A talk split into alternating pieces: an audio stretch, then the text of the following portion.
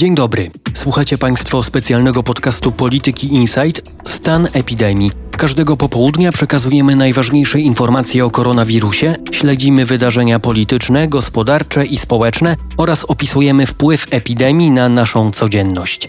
Nazywam się Karol Tokarczyk i zapraszam na dzisiejszy odcinek.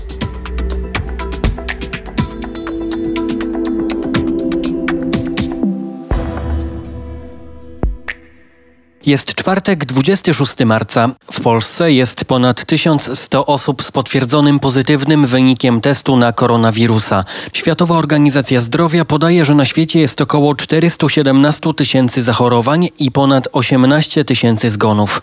Liczby zmieniają się szybko, a aktualne informacje dotyczące Polski znajdziecie Państwo na stronie gov.pl ukośnik koronawirus. Dziś zebrał się Sejm, żeby przyjąć nowy regulamin, który pozwala na przeprowadzenie zdalnych obrad, między innymi podczas jutrzejszego posiedzenia. Posłowie mają się wtedy zająć projektami ustaw związanych z tzw. Tak tarczą antykryzysową. Posiedzenie, które odbyło się w kilku salach, otworzyła marszałek Sejmu Elżbieta Witek. Otwieram posiedzenie. W dniu dzisiejszym planowane jest rozpatrzenie tylko projektu uchwały w sprawie zmiany regulaminu Sejmu wraz z autopoprawką. W związku z ogłoszonym stanem epidemii nasze dzisiejsze posiedzenie nie może odbyć się w standardach, do których się przyzwyczailiśmy, a więc w obecności wszystkich posłów na sali plenarnej. Kandydatka PO na prezydenta Małgorzata Kidawa-Błońska wnioskowała o przerwę w posiedzeniu do czasu uzupełnienia porządku o projekty ustaw przygotowanych przez Koalicję Obywatelską. Oskarżyła też rząd o zatajanie informacji. Byliście bezczynni, nie mówiliście nam prawdy. Teraz trzeba działać naprawdę bardzo szybko. I oskarżam was, tak, wiedzieliście, manipulowaliście, wprowadziliście chaos. Lider ludowców i kandydat na prezydenta Władysław Kosiniak-Kamysz rozpoczął od apelu. Mniej sporów proceduralnych, więcej działania. Ogarnąć się trzeba w tej sytuacji. Własne wezwanie wygłosił również Krzysztof Gawkowski z Lewicy. Apelował o działanie. Dzisiaj wszyscy jesteśmy Polakami odpowiedzialnymi w imię Konstytucji i naszych mandatów za to, żeby Polska była Polską, żebyśmy ją uratowali z tego kryzysu. Do wypowiedzi przedstawicieli Koalicji Obywatelskiej odniósł się minister zdrowia Łukasz Szumowski. Padły tutaj bardzo dziwne słowa osób, które zabierały głos, mówiąc, że kłamiemy, że zatajamy. Elżbieta Witek zdecydowała, że wnioski formalne opozycji zostaną rozpatrzone w piątek. Także w piątek Sejm zajmie się rządowym pakietem tarczy antykryzysowej. Świadczenia postojowe, dofinansowanie wynagrodzeń dla pracowników, zwolnienia ze składek ZUS, przedłużenie bankowych kredytów obrotowych. Między innymi takie rozwiązania przewiduje tarcza antykryzysowa przyjęta przez rząd, o czym poinformował w czwartek resort rozwoju. Pakiet tworzą trzy projekty ustaw. Nowelizacja specustawy o zwalczaniu i zapobieganiu epidemii, pakiet ustawy o udzielaniu pomocy publicznej i nowelizacja ustawy o systemie instytucji rozwoju. Wartość tarczy antykryzysowej to przynajmniej 10% polskiego PKB, czyli około 212 miliardów złotych. Wczoraj mówiliśmy o testach na koronawirusa. Dziś z Pawłem Wiejskim, analitykiem do spraw europejskich polityki Insight, wracamy do tematu i aktualizujemy informacje o testach. Dzisiaj sprawdzałeś sytuację w Hiszpanii, jeżeli chodzi o testy. Hiszpania ma problem, wydaje się, że dość podobny, który opisywaliśmy wczoraj w podcaście. Na czym on polega? Hiszpania jest krajem, w którym obecnie mamy jedną z największych przyrostów zachorowań w Europie i w celu ograniczenia epidemii i zidentyfikowania jej źródeł zakupiła 340 tysięcy ekspresowych testów na koronawirusa wyprodukowanych przez firmę BioEasy z prowincji Shenzhen. I te testy miały pozwolić na potwierdzenie obecności wirusa w organizmie już w 15 minut. I to są te testy na obecność przeciwciał w próbkach pobranych z nosa i gardła. Tylko, że testy zamówione przez rząd Hiszpanii miały jedną wadę. Otóż ich skuteczność była dramatycznie niska.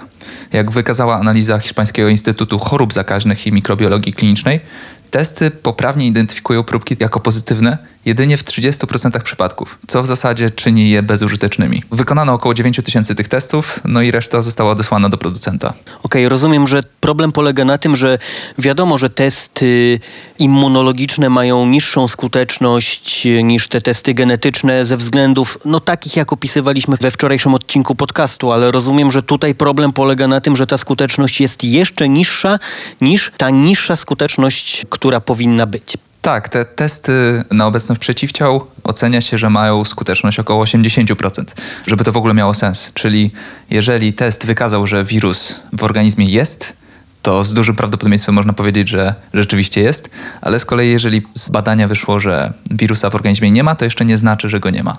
No jeżeli poprawnie zidentyfikowanych próbek jest tylko 30%, to oznacza, że w zasadzie test można wyrzucić do kosza. Ludzie po prostu chcą wiedzieć, czy mają koronawirusa i ten problem pewnie będzie narastał i najpewniej dotrze również do Polski.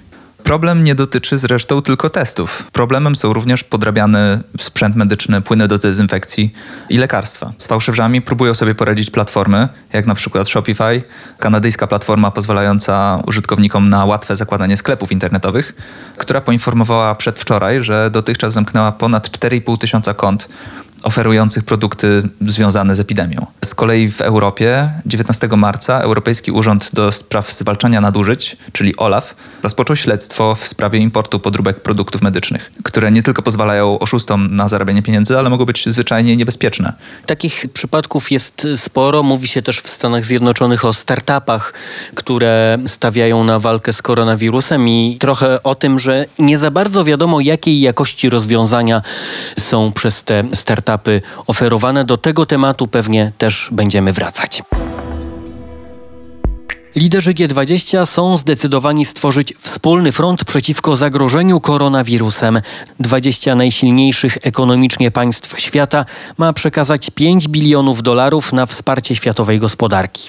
Decyzję o wsparciu unijnej gospodarki ma za to dziś podjąć również w trybie telekonferencji Rada Europejska. Głowy państw i rządów mają zdecydować innymi o wykorzystaniu europejskiego mechanizmu stabilności do walki z kryzysem, co budzi kontrowersje wśród państw strefy euro.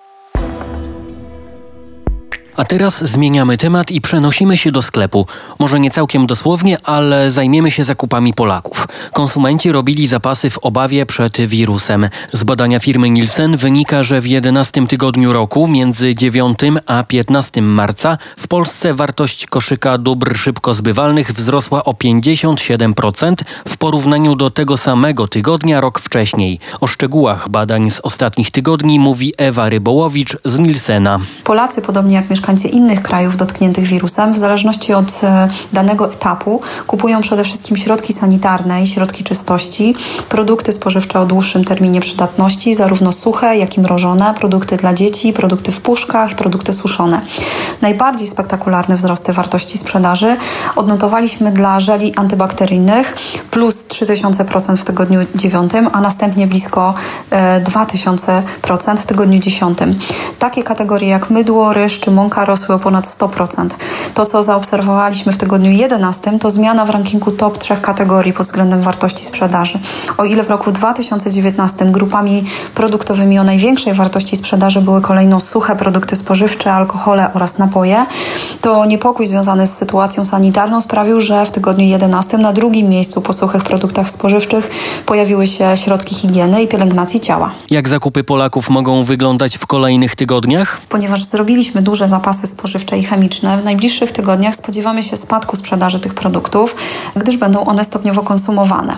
Dodatkowo w związku z przedłużeniem kwarantanny, odwołaniem imprez masowych, mniejszą mobilnością wynikającą z pracy zdalnej, rzadziej będziemy robić zakupy i zainteresujemy się prawdopodobnie artykułami, które ułatwią i umilą czas spędzany w domu. Jakie to będą produkty, pokaże nam analiza sprzedaży w kolejnych tygodniach. Spodziewamy się także, iż częściej będziemy wybierać zakupy online, a rzadziej niż zwykle odwiedzać sklepy stacjonarne. To zbiorcze dane, ale jak wygląda sytuacja na rynku? Polska Izba Handlu zrzesza mniejsze sklepy. Jej wiceprezes Maciej Ptaszyński przyznaje, że wzrost zainteresowania zakupami Polaków w ostatnich tygodniach był widoczny, ale po szczycie tego zainteresowania, mniej więcej po 11 marca, później nastąpiło uspokojenie. Od mniej więcej 16 marca. Sytuacja, jeżeli chodzi o ilość zakupów, zaczęła, zaczęła się normalizować. Dystrybutorzy działają normalnie, dostawy działają normalnie, sklepy są zaopatrzone w sposób, można powiedzieć, no co najmniej porównywalny, jak były zaopatrzone przed całą epidemią. Trzeba też pamiętać, że e, ograniczenia w przemieszczaniu się na pewno zmniejszą ilość spotkań rodzinnych e, z okazji, z okazji świąt. Zatem e, w tym momencie i jakby potrzeby, jeżeli chodzi o zakupy, mogą być, mogą być nieznacznie niższe. Zakupy na zapas podbiją zapewne marcowe dane o sprzedaży detalicznej, ale te poznamy dopiero za niecały miesiąc.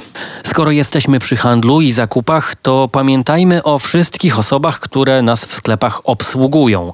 Pracownicach i pracownikach wykładających towary na półkach, czy kasjerkach i kasjerach. Ich praca zasługuje na nasz szacunek. Być może nie znajdują się na froncie walki z wirusem, tak jak służby medyczne, ale każdego dnia są narażeni na zachorowanie, a często nie mogą zostać w domu bo musimy przecież gdzieś kupować pieczywo, wędliny, warzywa i owoce. Więcej o sytuacji pracowników opowiemy w jutrzejszym wydaniu podcastu.